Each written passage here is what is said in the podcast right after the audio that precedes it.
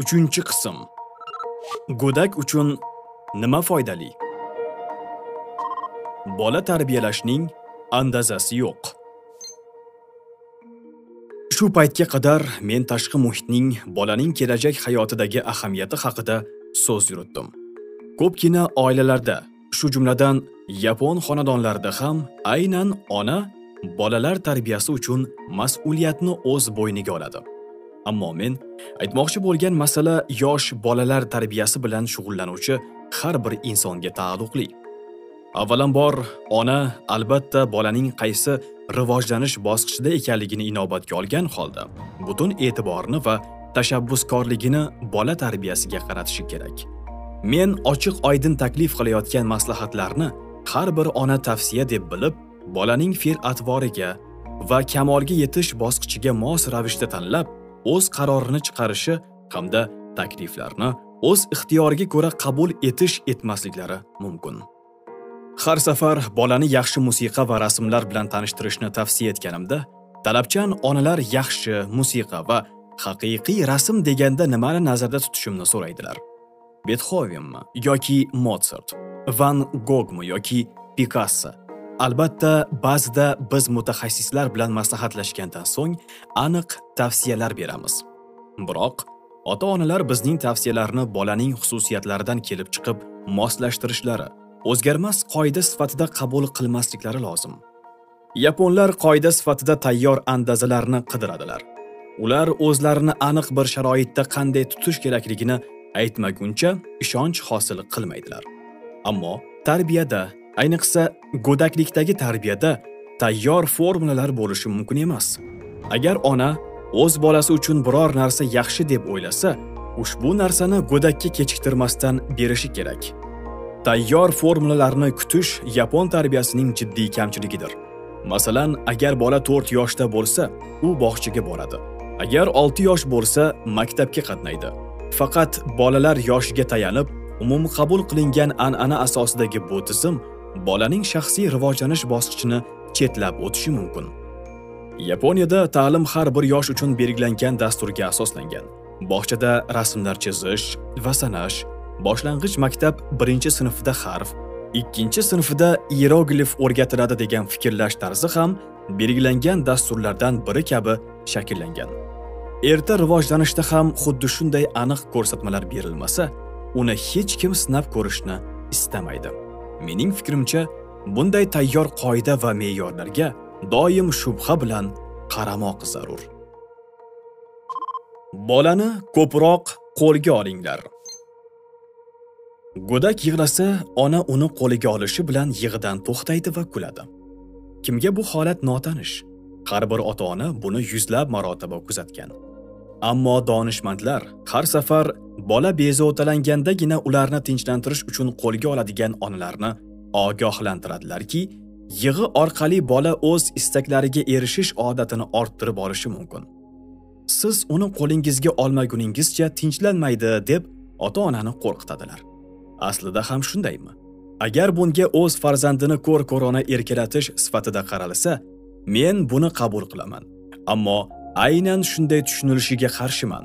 Ishonchim komilki, bolani qo'lga imkon qadar ko'proq olish kerak. O'z ehtiyojlarini ifodalashning boshqacha yo'lini bilmaydigan chaqaloq uchun yig'i o'ziga e'tiborni qaratuvchi yagona vositadir. Bolaning yig'isi biror narsa so'rayotganidan dalolat. Uning iltimosini javobsiz qoldirish bu uni boshidanoq muloqotdan mahrum etishdir. Sog'lom fikrlash shuni ko'rsatyaptiki, bola bilan onaning muloqoti, ayniqsa tana vositasidagi muloqot uning aqliy qobiliyati rivojlanishi uchun juda muhim. Bir yapon gazetasi maymunlar bilan o'tkazilgan qiziq tajriba haqida xabar berdi. Viskonsin shtati universitetining birinchi darajadagi tadqiqot markazi rahbari doktor Garri Harlow yangi tug'ilgan maymun bolasining onasini sun'iy ona bilan almashtirdi va qaysi birini tanlashni kuzatdi. Birinchi qo'g'irchoq simdan bo'lib, silindr shaklida yasalgan, boshqasi matodan qilingandi. Har bir onada sutli ichimlik idishi bor edi. Ayni paytda ikkala ona ham bir tomondan ikkinchi tomonga tebrana olardi. Natijalarga ko'ra, maymun bolasi issiq va yumshoq bo'lgan matoli onani tanladi va uning harakatlariga javob berdi. Doktor Harlow o'z tadqiqotiga yangi tug'ilgan chaqaloq ham issiq, yumshoq va harakat qiluvchi narsani izlaydi. Xuddi sut uning jismoniy sog'ligi uchun muhim sanalganidek, onaning o'z farzandini qo'lida mehr bilan ko'tarishi ham uning hissiy holati uchun juda ahamiyatlidir, deya xulosa yasadi. Men bolalarni tez-tez qo'lga olishni qo'llab-quvvatlayman, chunki har bir bolaning ota-ona bilan muloqoti yetarli darajada bo'lishini istayman va buni sezgir shaxs shakllanishida muhim omil deb hisoblayman. Bolani o'zingiz bilan bir o'ringa yotqizishdan qo'rqmang. Bolani qo'lda ko'tarib yurish odati singari go'dak bilan birga uxlashga Yaponiyada avvalgi avlodlardan meros bo'lib qolgan nomaqbul odat sifatida qaralgan. Albatta, bola faqat ota-onadan biri yonda bo'lsagina uxlashi ular uchun qiyin, ammo hech qachon bunday sharoitda ota-ona o'zini yo'qotib qo'yganini eshitmaganman.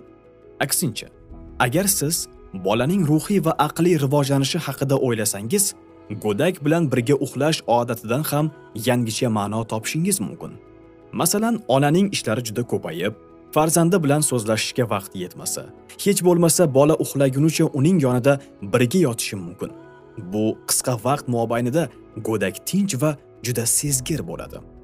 Shuning uchun bola yonida shunchaki birga yotish, undan oldin uxlab qolish o'rniga unga alla aytsangiz yoxud kitob o'qib bersangiz, bolaning rivojlanishiga ijobiy ta'sir ko'rsatasiz. Shuningdek, ona o'rnida kechgacha uyda bo'lmagan ota ham bo'lishi mumkin. Bu farzandingiz bilan muloqot qilishning eng qulay imkoniyati hamdir. Sobiq Tokio meri Yukaya Seiji ham bolalik chog'i kechasi uxlaydigan paytida buvisi kitob o'qib berganini ko'p eslaydi.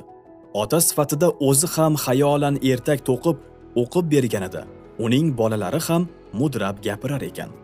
Shunda u kitob o'qishni to'xtatib, uxlamasdan ularni tinglab yotgan paytlar ham tez-tez bo'lgan. Keyinchalik u buni juda yaxshi paytlar deb eslaydi.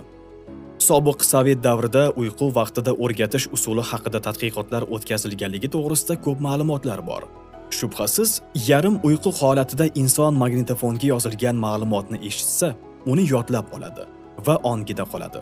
Uyg'onganidan so'ng uni osonlik bilan eslaydi. Mazkur tadqiqotlarga ko'ra, bolaga yarim uyqu holatida ta'lim berib ham kutilmagan natijalarga erishish mumkin ekan. Musiqa eshitish iqtidori bo'lmagan onaning tarbiyasini ko'rgan bola ham musiqa eshitish qobiliyatsiz ulg'ayadi. Mening farzandim musiqiy ohanglarni ajrata olmaydi. Nima qilishni bilmayman. Bu uning otasi sabablidir. Oilasidagi hech kim musiqa eshitish qobiliyatiga ega emas. Bu naslga bog'liq. Men onalardan shu kabi shikoyatlarni ko'p eshitaman. Ha, haqiqatan ham musiqiy qobiliyati sust bolalar bor. Ammo musiqiy ohangni ajrata olmaslik ham garchi ota-onadan farzandga o'tishi mumkin bo'lsa, irsiy ekanini anglatmaydi. Tasavvur qilaylik. Onada musiqiy eshitish qobiliyati yo'q va bola har kuni allani butunlay noto'g'ri ohangda tinglaydi. Bola bu ohangni namuna sifatida eslab qolib, u ham shu tarzda noto'g'ri kuylaydi. Buni eshitgan ona bolada musiqiy qobiliyat yo'qligidan nolib, bu ilohiy ne'mat ekaniga ishonadi. Agar Mozart va Betxovenni ham shunday onalar tarbiya qilganida edi, ularda ham musiqiy qobiliyat bo'lmasligi aniq edi. Mening nazariyamga ko'ra, musiqiy qobiliyatsiz bolalar xuddi shu kamchilikka ega onalardan tug'ilgan bo'lsalarda, maxsus tinglash qobiliyati sohibidirlar. Chunki ular noto'g'ri ohangni eslab qolib, uni qaytarish mahoratiga ega ekanliklarini ko'rsatadilar. Endi esa musiqiy qobiliyatsizlik nasldan o'tmasligini isbotlash maqsadida sizga bir voqeani aytib beraman. Doktor Shiniji Suzuki 6 yoshli bolani o'qitishga oldi va musiqiy qobiliyatini qayta tikladi. Bu bolaning onasida musiqiy eshitish qobiliyati yo'q edi. Doktor Suzukining tezisida shunday xulosa yozilgandi. Bolada musiqiy qobiliyat yo'q, chunki u uning onasida yo'q. U bolaga onasi doim noto'g'ri aytib bergan kuyning to'g'ri ohangda aytilganini tinglatdi. asta sekin noto'g'ri eslab qolingan kuy o'rnini to'g'ri aytilgan kuy ohangi egalladi keyinchalik bu bola musiqiy ta'limni davom ettirdi brams va betxoven ijodiga bag'ishlangan skripka konsertlarida ularning kuylarini xatosiz chaldi hatto kanadada bir nechta yakkaxon konsertlar berdi shunday qilib musiqiy idrok fe'l atvor va boshqa qobiliyatlarning rivojlanishi aslida ota onalarning odatlari ta'sirida shakllanadi. Hatto ota onalarning xatti harakatidagi biz uchun ahamiyatsiz tuyulgan biror narsa ham bolaga chuqur ta'sir ko'rsatishi mumkin. Bola yig'isini hech qachon e'tiborsiz qoldirmang. Amerika qo'shma shtatlarida chop etilgan go'dakni tarbiyalashda inqilob kitobida quyidagi tadqiqot keltirilgan Washingtonda tayyorlangan maxsus o'qituvchilar 30 ga yaqin 15 oylik chaqaloqlarni tarbiyalash va o'qitish uchun asosan qora tanlilar yashaydigan kambag'al hududlarga, muassasalar hamda xonadonlarga yuborildilar. O'qituvchi yakshanbadan tashqari har kuni bolalar bilan 1 soat vaqt davomida o'ynar va suhbatlashardi. Psixolog doktor Erl Sheferning tushuntirishicha, bu tadbir bolalar aqliy qobiliyatini rivojlantirish nutqiy qobiliyatini o'stirish maqsadida o'tkazilgan. Bu kabi tadqiqotlar 14 oylik bolalar bilan ham olib borildi. Ushbu go'daklardan 2 yosh u 3 oylik bo'lganida olingan testlar natijalari ularning aqliy rivojlanish darajasi, ayniqsa nutqiy rivojlanish holati tadqiqotda ishtirok etmagan tengdoshlar bilan solishtirganda ancha yuqori bo'lganini ko'rsatdi. Demak, ertadan kechgacha ishda band bo'lib, farzand tarbiyasiga umuman e'tibor qaratmaydigan bunday oilalardagi bolalarning aqliy qobiliyatini ham rivojlantirish mumkin. Endi tasavvur qiling. Ota-onalar o'z farzandlari tarbiyasiga ko'proq ahamiyat beradigan va ular bilan doimo o'ynaydigan oilalarda qanday natijalarga erishish mumkin? Taxminan 2-3 oylik chaqaloq kulishni boshlaydi. Bijirlaydi va atrofida sodir bo'layotgan hamma narsani eslab qoladi. biz ba'zida bolaning miyasida onasining eng oddiy so'zlari va harakatlari qay darajada iz qoldirishini anglay olmaymiz. Shuning uchun bolalari bilan ko'p shug'ullanuvchi onalar o'z farzandlarining aqliy rivojlanishiga jiddiy ta'sir ko'rsatadilar. Masalan, yosh oila o'g'il farzandli bo'lganida bir xonali uyda yashar edi. Xonadon shunchalik tor ediki, ona doimo o'z o'g'lining yonida bo'lib, u bilan ko'p suhbatlashar edi.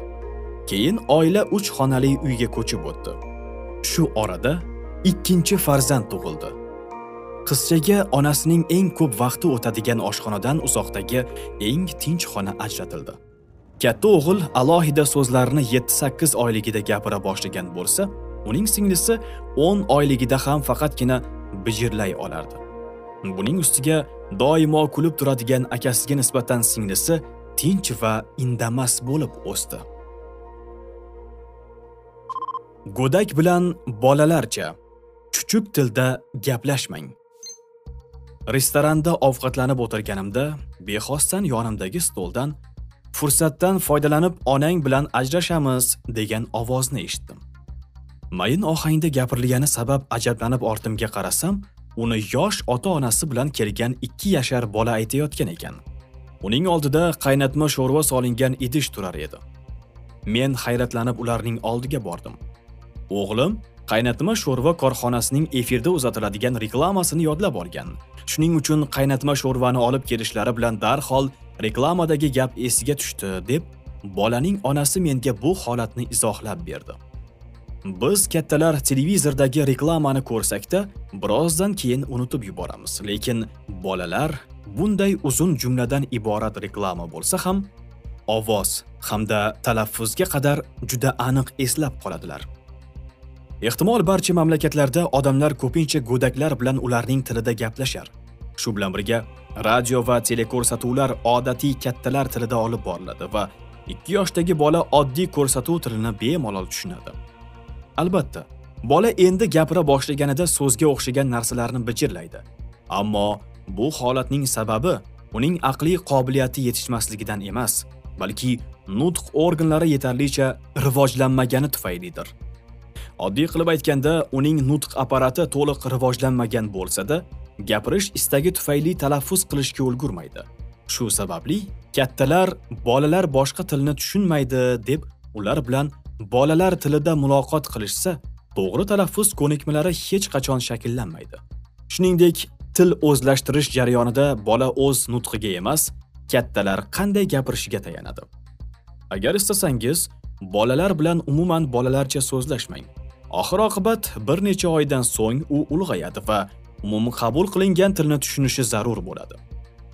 Bolalar bog'chasiga borganida uning kichkina emasligi va to'g'ri gapirishi kerakligi aytilsa bu bola uchun qo'shimcha noqulaylik tug'diradi. Bir fransuz ayol o'z qizini turmushga berayotganida bo'lajak kuyoviga qizimning sarpasi yo'q ammo u fransuz tilida qoyilmaqom gapiradi dedi. Bunday g'urur tahsinga loyiq va men har bir bolada o'z ona tilini shunday mukammal egallash imkoniyati bo'lishini istardim. Kattalarning loqaydlarcha harakatlari bolada qo'rquv hissini kuchaytiradi. Biz odatda go'daklikni hayotdagi eng baxtli davr va unda atrof muhit qo'rqinchlari hamda tashvishlariga o'rin yo'q deb o'ylaymiz. Biroq haqiqatda go'daklik vaqtimizda biz doim ham baxtli bo'lavermaganmiz. 60 yoshli keksa odamning ayni yoshiga mos qo'rquvi bo'lganidek bir ikki yoshli bolaning ham o'ziga yarasha xavotiri bo'ladi va ko'pincha buning sabablari biz o'ylamagan narsalardan kelib chiqadi.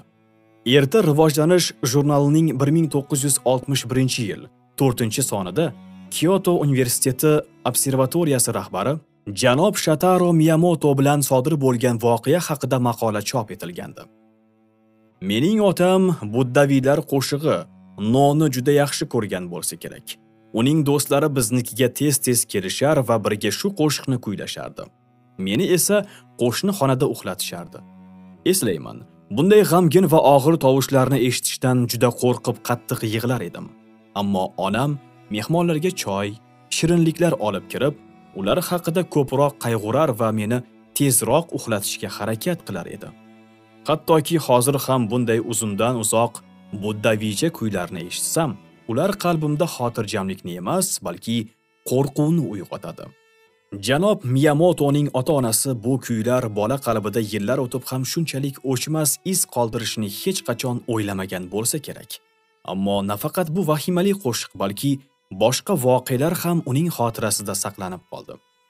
Janob Miyamoto buvisi uxlashdan avval unga o'qib bergan ertaklarni Carmen oy sonatasi operalaridagi musiqani zavq bilan eshitganini eslaydi nima uchun aynan no qo'shig'i janob miyamotoni shunchalik qo'rqitdi. Bu bizga mulohaza uchun manbadir. Ehtimol kuyning g'amgin ohanglari barobarida uni yolg'iz va qorong'u xonada qoldirishgani ham qo'rquvga sabab bo'lgandir. Men bunday holatlarda qanday yo'l tutish bo'yicha tavsiya bermoqchi emasman. Faqat shuni ta'kidlamoqchimanki kattalar uchun arzimasdek tuyulgan narsa bola qalbida chuqur iz qoldirishi mumkin. Yangi tug'ilgan chaqaloq ota-ona orasidagi janjalni his qila oladi. Bola yuzidan uning ota-onasi urushgani janjallashgani va o'rtalarida kelishmovchilik bo'lganini osongina aniqlash mumkin. Bunday holatda uning yuz ifodasi tushkun va xavotirli bo'ladi. Siz e'tiroz bildirib bu arzimas narsa va yangi tug'ilgan chaqaloq ota-onasi o'rtasida bo'layotgan o'zaro munosabatlarning nozik tomonlarini anglay olmaydi deb o'ylarsiz. Bola shunday sezgir aqlga egaki u har bir tashqi o'zgarishdan ta'sirlanadi. O'zingiz o'ylab ko'ring har kuni ota-onasining xunuk janjalini kuzatuvchi bolaga nima bo'ladi? Albatta u kelishmovchiliklar sababini tushunmaydi ammo jahl va haqoratlar uning hissiyotlarida. Ehtimol butun vujudida aks etadi. Ajablanarli joyi yo'qki kelishmovchiliklar qurshovida o'sgan bolaning yuzi g'amgin va ma'yus bo'ladi. Ko'zlar yoki burun farzandingizga nasldan o'tadi. Uning yuz ifodasi esa oiladagi munosabatlar ko'z ko'zidir begona sirash va sovuqchilik sharoitida ulg'aygan bola qalbida bog'cha yoki maktabga borguniga qadar baxtsizlik va zaiflik nihollari una boshlaydi. O'smirlar tomonidan sodir etilgan ko'pgina tartibbuzarliklar ular go'daklik davrlarini baxtsiz oilalarda o'tkazganligini ko'rsatadi Shifokor Shinichi Suzuki aytgan ediki, uyga kelganingizda farzandlaringizni oldingizga olib, yuzlariga sinchiklab qarang. Shunda siz o'z oilaviy munosabatlaringiz tarixini o'qib olasiz. Men bu so'zlarni hech qachon unutmayman. Bolaning erta rivojlanishi uchun biror narsa qilish shart emas. Boshlanishi uchun avvalo er-xotin orasida o'zaro mehrli munosabat bo'lishi va uyda yoqimli ruhiy muhit yaratish zarur.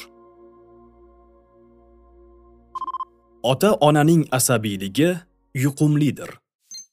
Ko'pincha ota-onalar mening o'g'lim otasi kabi g'amgin yoki mening qizim onasi kabi palapartish deb noliydilar. Bu o'rinda ular farzandlarining ijobiy tomonlari o'zlaridan, kamchiliklari esa turmush o'rtoqlaridan o'tganligini aytishadi. Ammo kitobimning shu qismigacha o'qigan ota-onalar anglab yetganlariga umid qilamanki, ularning farzandlaridagi yaxshilik va yomonlik alomatlari tug'ilishdan berilgan tarbiya natijasidir. Erta rivojlantirish deganda bolani ma'lumotlar bilan to'ldirib tashlash yoki unga o'qish va yozishni o'rgatish tushuniladi. Biroq undan muhimroq tomoni bolada fikr yuritish, baholash va idrok qilish yoki unda o'qish qobiliyatini rivojlantirishdir. Buning uchun maxsus dasturlar yo'q, faqatgina ota-onaning o'zini qanday tutishi, amalga oshirayotgan ishlari va his etayotgan tuyg'ulari, go'dak bilan qilayotgan muomalasi bolaning shaxsiyatini shakllantirishi mumkin. Ya'ni, kam gap va ma'yus odam tomonidan tarbiyalangan go'dak doimo g'amgin, mag'zun bo'ladi. Xuddi shunday beparvo, beg'am odam tomonidan tarbiya qilingan bola ham beg'am, beparvo holatda ulg'ayadi. Ammo musiqiy qobiliyat onada bo'lmasa, bolasiga musiqa tinglashi uchun imkon yaratishi mumkin. Ayrim narsalar, masalan, xulq-atvor, xarakter, hissiyotlar va sezgi odamning aslini anglatmaydi.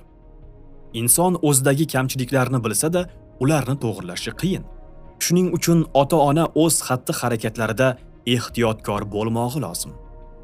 Agar ona shamollab qolsa, o'z bolasiga yuqtirmaslikka urinib, dokali niqobni yuziga tutishi mumkin. Ammo farzandlariga o'z kamchiliklarini bermaslikka harakat qiladigan onalar juda oz. Men o'zgartira olmaydigan xato va kamchiliklarimizni iloji boricha bolalarga ham ko'rsatmaslikni xohlar edim. Onalardagi asabiylashish nomli virus shamollashdan ko'ra ancha yuqumli va kuchlidir. Ota o'z farzandi bilan ko'proq muloqotda bo'lmog'i zarur. Ko'pincha farzandlar katta bo'lganlarida o'z otalari bilan birga o'tkazgan vaqtlarini bayramona xursandchilik bilan eslaydilar. Chunki aksariyat oilalarda bunday holat u qadar ko'p yuz bermaydi. Mening katta o'g'lim hanuzgacha birga qilgan ishlarimizni yaxshi eslaydi. Masalan, dengizda qayiqda sayr qilganimizni, va qaytishda shirin qizil loviyali taom tanovvul qilganimizni. Bu voqea 30 yil avval bo'lgan va men buni unutib yuborgan edim. An'anaga ko'ra, oilalarda otalarga so'zsiz bo'ysuniladi. Ota tartib nazoratchisi, ammo bolalarga har kuni g'amxo'rlik qilish ishlarida kam qatnashadi. Agar farzand o'z otasini kam ko'rsa va shu ham faqatgina gap eshitish uchungina bo'lsa, u holda bola o'z otasini bir begona ya'ni favqulodda vaziyatda chaqirilgan shifokordek deb qabul qiladi o'ziga ishonchi yo'q va himoyasiz bola ko'pincha otasiga iliq tuyg'ularni his qilmaydi qattiqqo'l ota tomonidan tarbiya topgan bola ulg'ayganda daho yoxud mashhur inson bo'lsa-da itoatkor va irodasi sust bo'ladi boshqa tomondan agar ota ichkilik ichsa ayoli bilan qo'pol munosabatda bo'lsa va farzand tarbiyasi bilan umuman shug'ullanmasa, bunday oilada ulg'aygan bola axloqsiz, hatto jinoyatchi bo'lishi ham mumkin. Bunday holatlar kam emas. Bolalar tarbiyasi va ularni o'qitish mas'uliyati asosan onalar zimmasida. Ammo bundan otalar bolalar tarbiyasini butunlay o'z ayollariga topshirib qo'yishi kerak degan ma'no kelib chiqmaydi. ayoliga haqiqiy do'st va yordamchi bo'la olish bu uydagi tarbiyada erning birlamchi burchi emasmi uydagi totuvlikka faqatgina onaning xatti harakatlari bilan erishib bo'lmaydi yaqinda men avtobusda bir oilani kuzatdim ota ona va ularning qizi. Uch yoshlardagi kichkina qizcha o'z otasi bilan qiziq suhbat qurayotgandi. Ikkovi suhbat bilan mashg'ul. Ona esa yonlarida turib qandaydir jurnal o'qiyotgan va o'zini xuddi hech nima eshitmayotgandek tutardi. His qilishimcha ota shunchaki gaplashmasdan qizi bilan suhbatda uni jiddiy tushunishga urinar ona esa aralashmas edi. Ularning suhbatiga quloq solsam dada saqich o'nta bo'lsa nima bo'lishini bilasizmi? Shundaymi. Saqich o'nta bo'lsa guam oroli bo'ladi. Ikkalamiz borib ko'rsakmikin a degan bolalarga xos gap borar edi. Shunda xulosa qildimki bu qizcha ajoyib ayol bo'lib tarbiya topadi. Katta odamga oddiy ahamiyatsizdek tuyulgan suhbat bola uchun sezilarli darajada zavq bag'ishlaydi. Bola tarbiyasi va rivojlantirish masalalari faqatgina ona zimmasiga yuklangan va otaning roli faqatgina onaning iltimosiga ko'ra bu vazifalarga qo'shilish bilan cheklanadigan oilada haqiqiy yaxshi odamni tarbiya qilib bo'lmaydi. Vaqt yetishmasligi yoki ishdan keyingi charchoq otalarga o'z farzandlari bilan ko'proq gaplashishga to'sqinlik qilmasligi kerak. Ko'p bolali oilada farzandlar bir birlari bilan yaxshiroq munosabatda bo'ladilar. Zamonaviy yaponiyada mavjud urf odatga ko'ra yangi kelin kuyovlar o'z ota onalari va qarindoshlaridan mustaqil holda yashaydilar. Hamda odatda oilalarda uch nafardan ortiq farzand bo'lmaydi. Men oilada yolg'iz farzand bo'lganman va bu o'sha davr uchun kam uchraydigan holat edi. Men aka uka va opa singillari bor do'stlarimga havas qilar bir birlari bilan suhbatlashib ovqatlanadigan birga o'ynaydigan va janjallashadigan do'stimning uyiga intilar edim. Ko'pincha oiladagi birinchi farzand kam rivojlanib vazmin tarbiyali ammo hayotiy zavqqa to'lmay o'sadi. Aksincha mening do'stim uch aka ukaning o'rtanchisi juda jasur va qat'iyatli. Aka ukalari xafa qilishsa-da hech yig'lamas edi.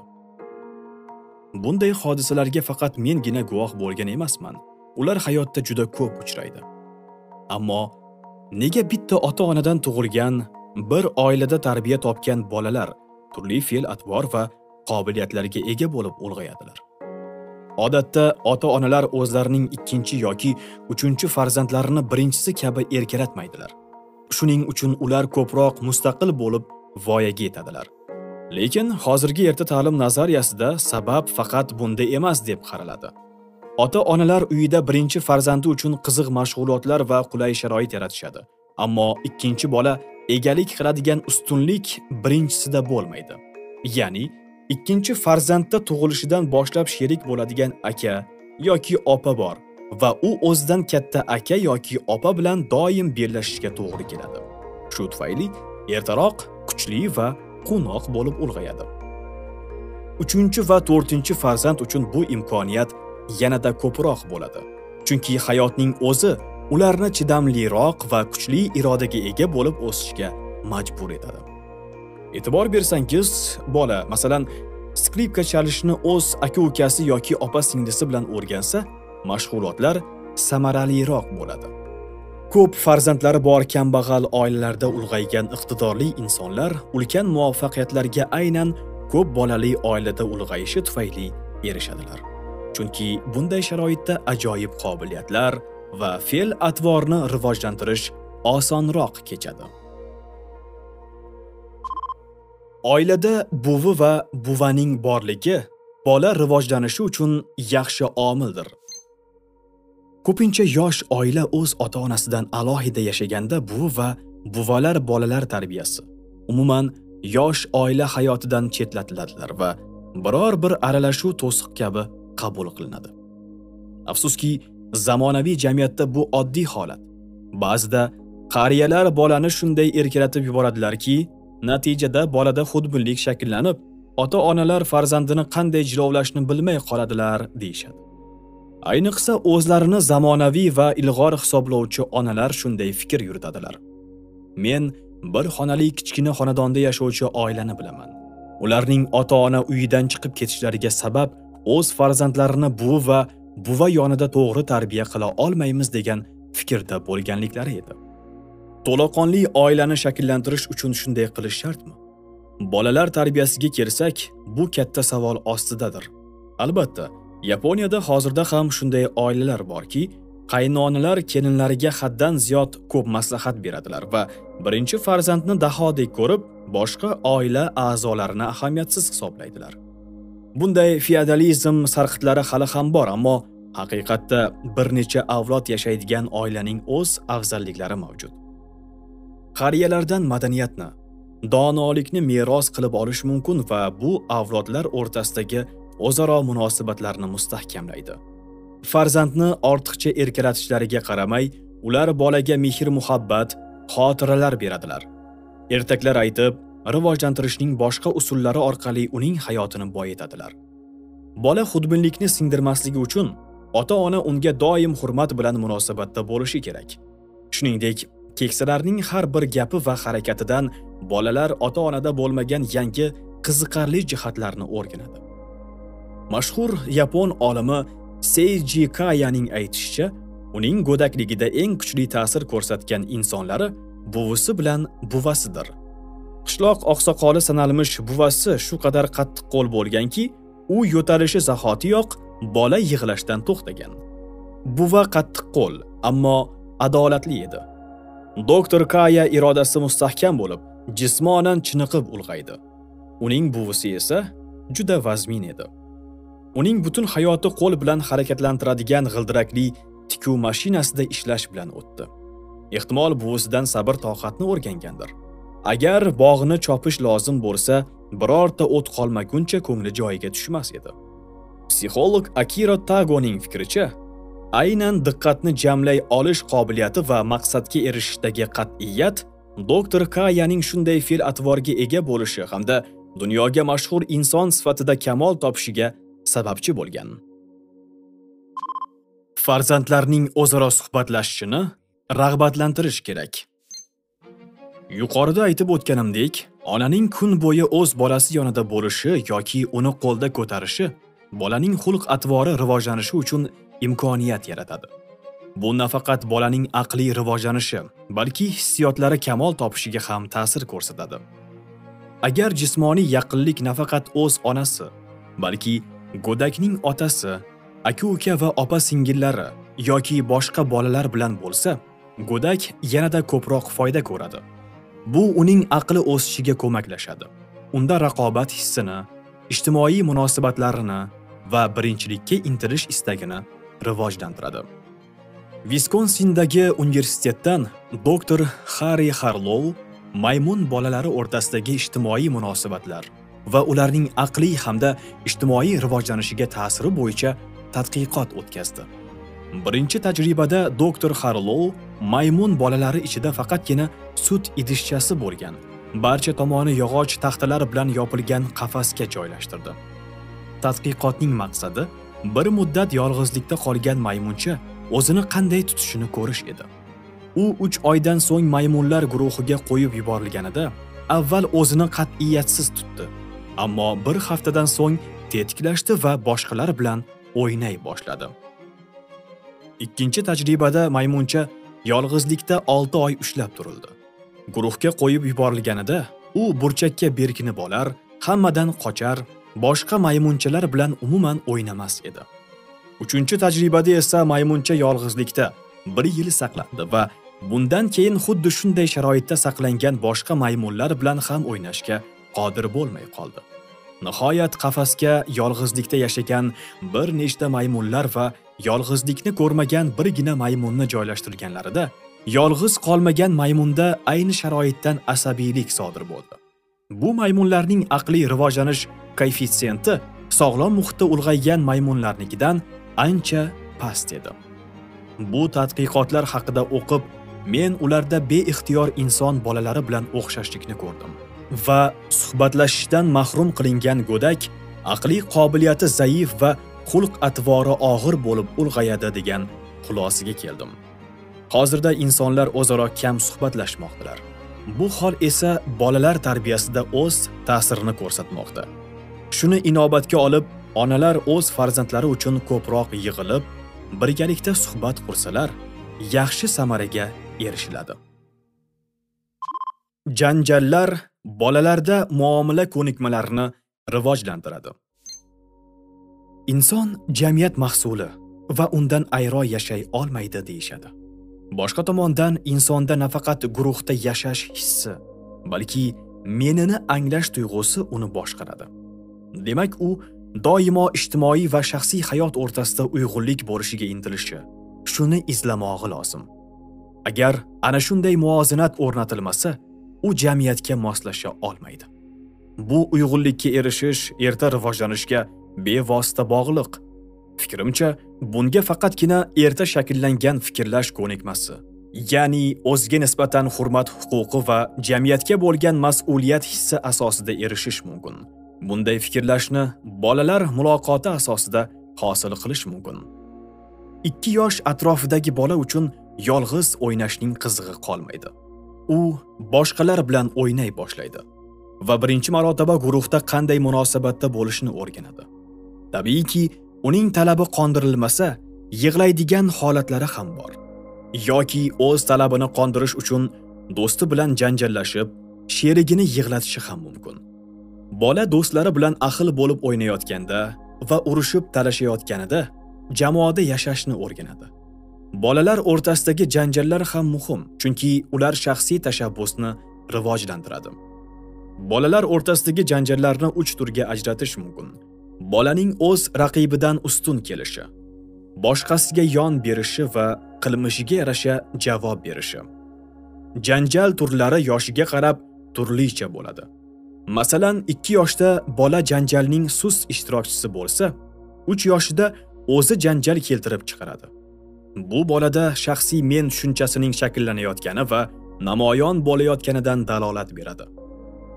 Bolalar o'rtasidagi kelishmovchilikning sabablari turlicha.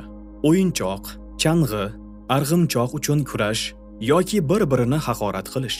Xullas, sababsiz janjal bo'lmaydi. Sabablarini tushuntirmasdan bolaga janjallashish yomon deb uni urishish va o'rgatish unda hamkorlik hissiyotini rivojlantirishga yordam bermaydi. Aytish mumkinki, bolalar janjaliga aralashish ularning jamiyatda yashash qobiliyati rivojlanishiga xalaqit berishdir. Bolalarning o'z mantig'i bor va ular bir-birlari bilan o'zlaricha so'zlashadilar. Bu yerda katta odamning mantig'i o'rinsizdir. Agar bolalar janjaliga kattalar fikricha qarab, ularga urushish mumkin emas va boshqalar bilan janjallashuvchi bola yomon bola deb tushuntirsangiz, farzandingiz o'z qobig'ida qoladi va g'azablanadi. Janjallar jamoa orasiga kirganda boshlang'ich sinovdir. Notanish odamlar oldida go'dakning tortinchoqligi qiyofalarni taniy olish qobiliyati rivojlanishining dalilidir. Men o'z kitobimda qiyofa so'zini maxsus ishlatishimga izoh berib o'tmoqchiman. Qiyofa so'zi ko'proq shakl, namuna tuzilishi, model ma'nolarida ishlatiladi.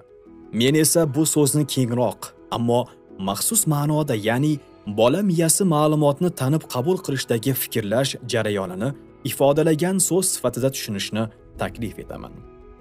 Ulg'aygan inson ma'lumotni asosan mantiqiy fikrlash orqali qabul qilsa, yosh bola ichki hissiyoti, ya'ni bir zumda qiyofa hosil qilish qobiliyatidan foydalanadi.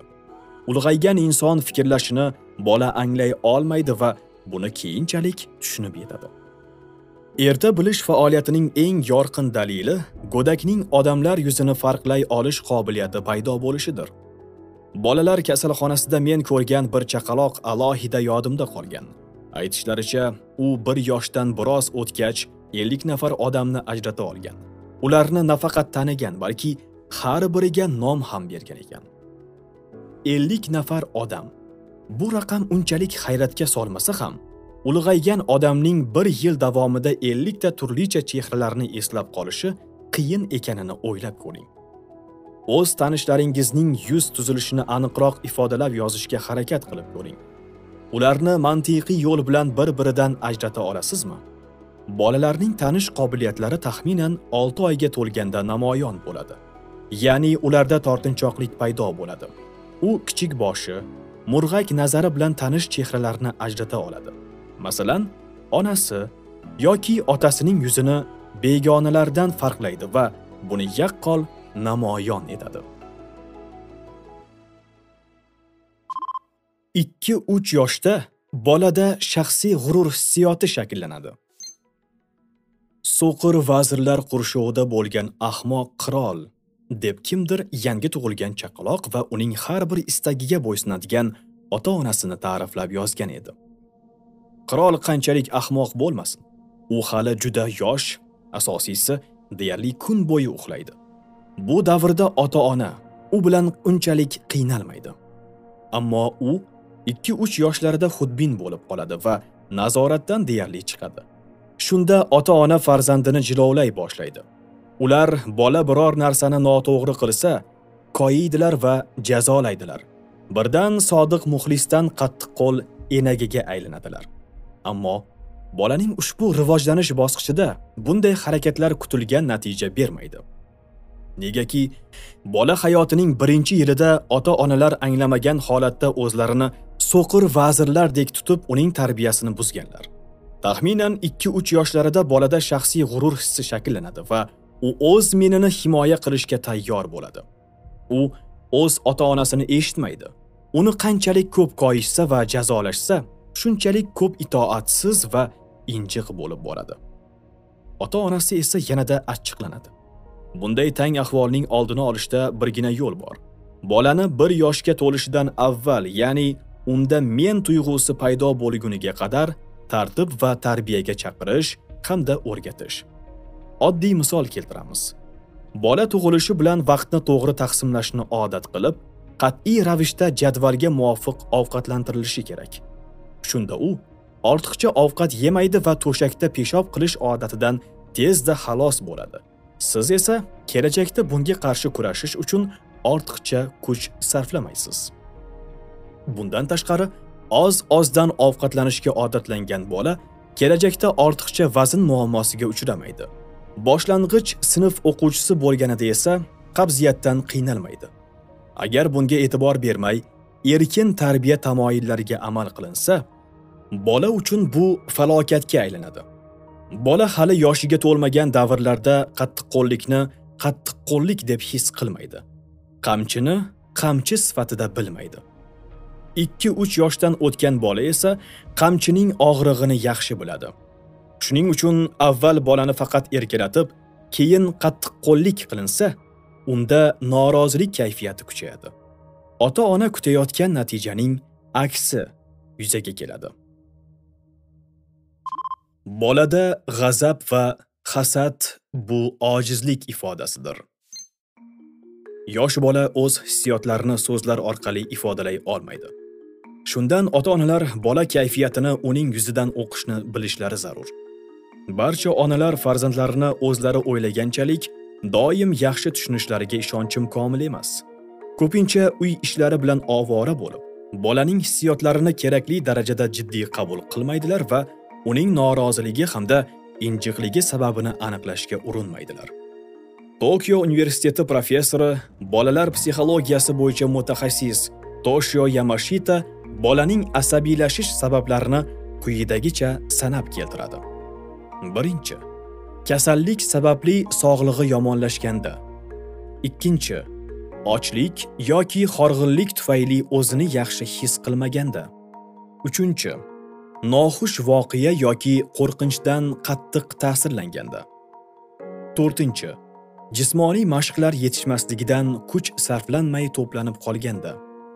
Beshinchi, o'z aytganida turib olganda.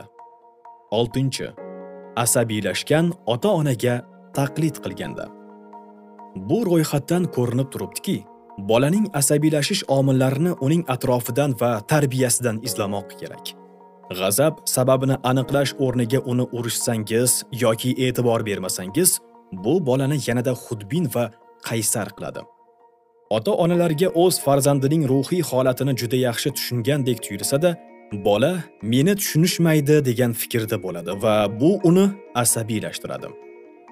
ota-ona bolaning asosli talabini injiqlikdan ajratish uchun kuchli irodaga ega bo'lmog'i kerak.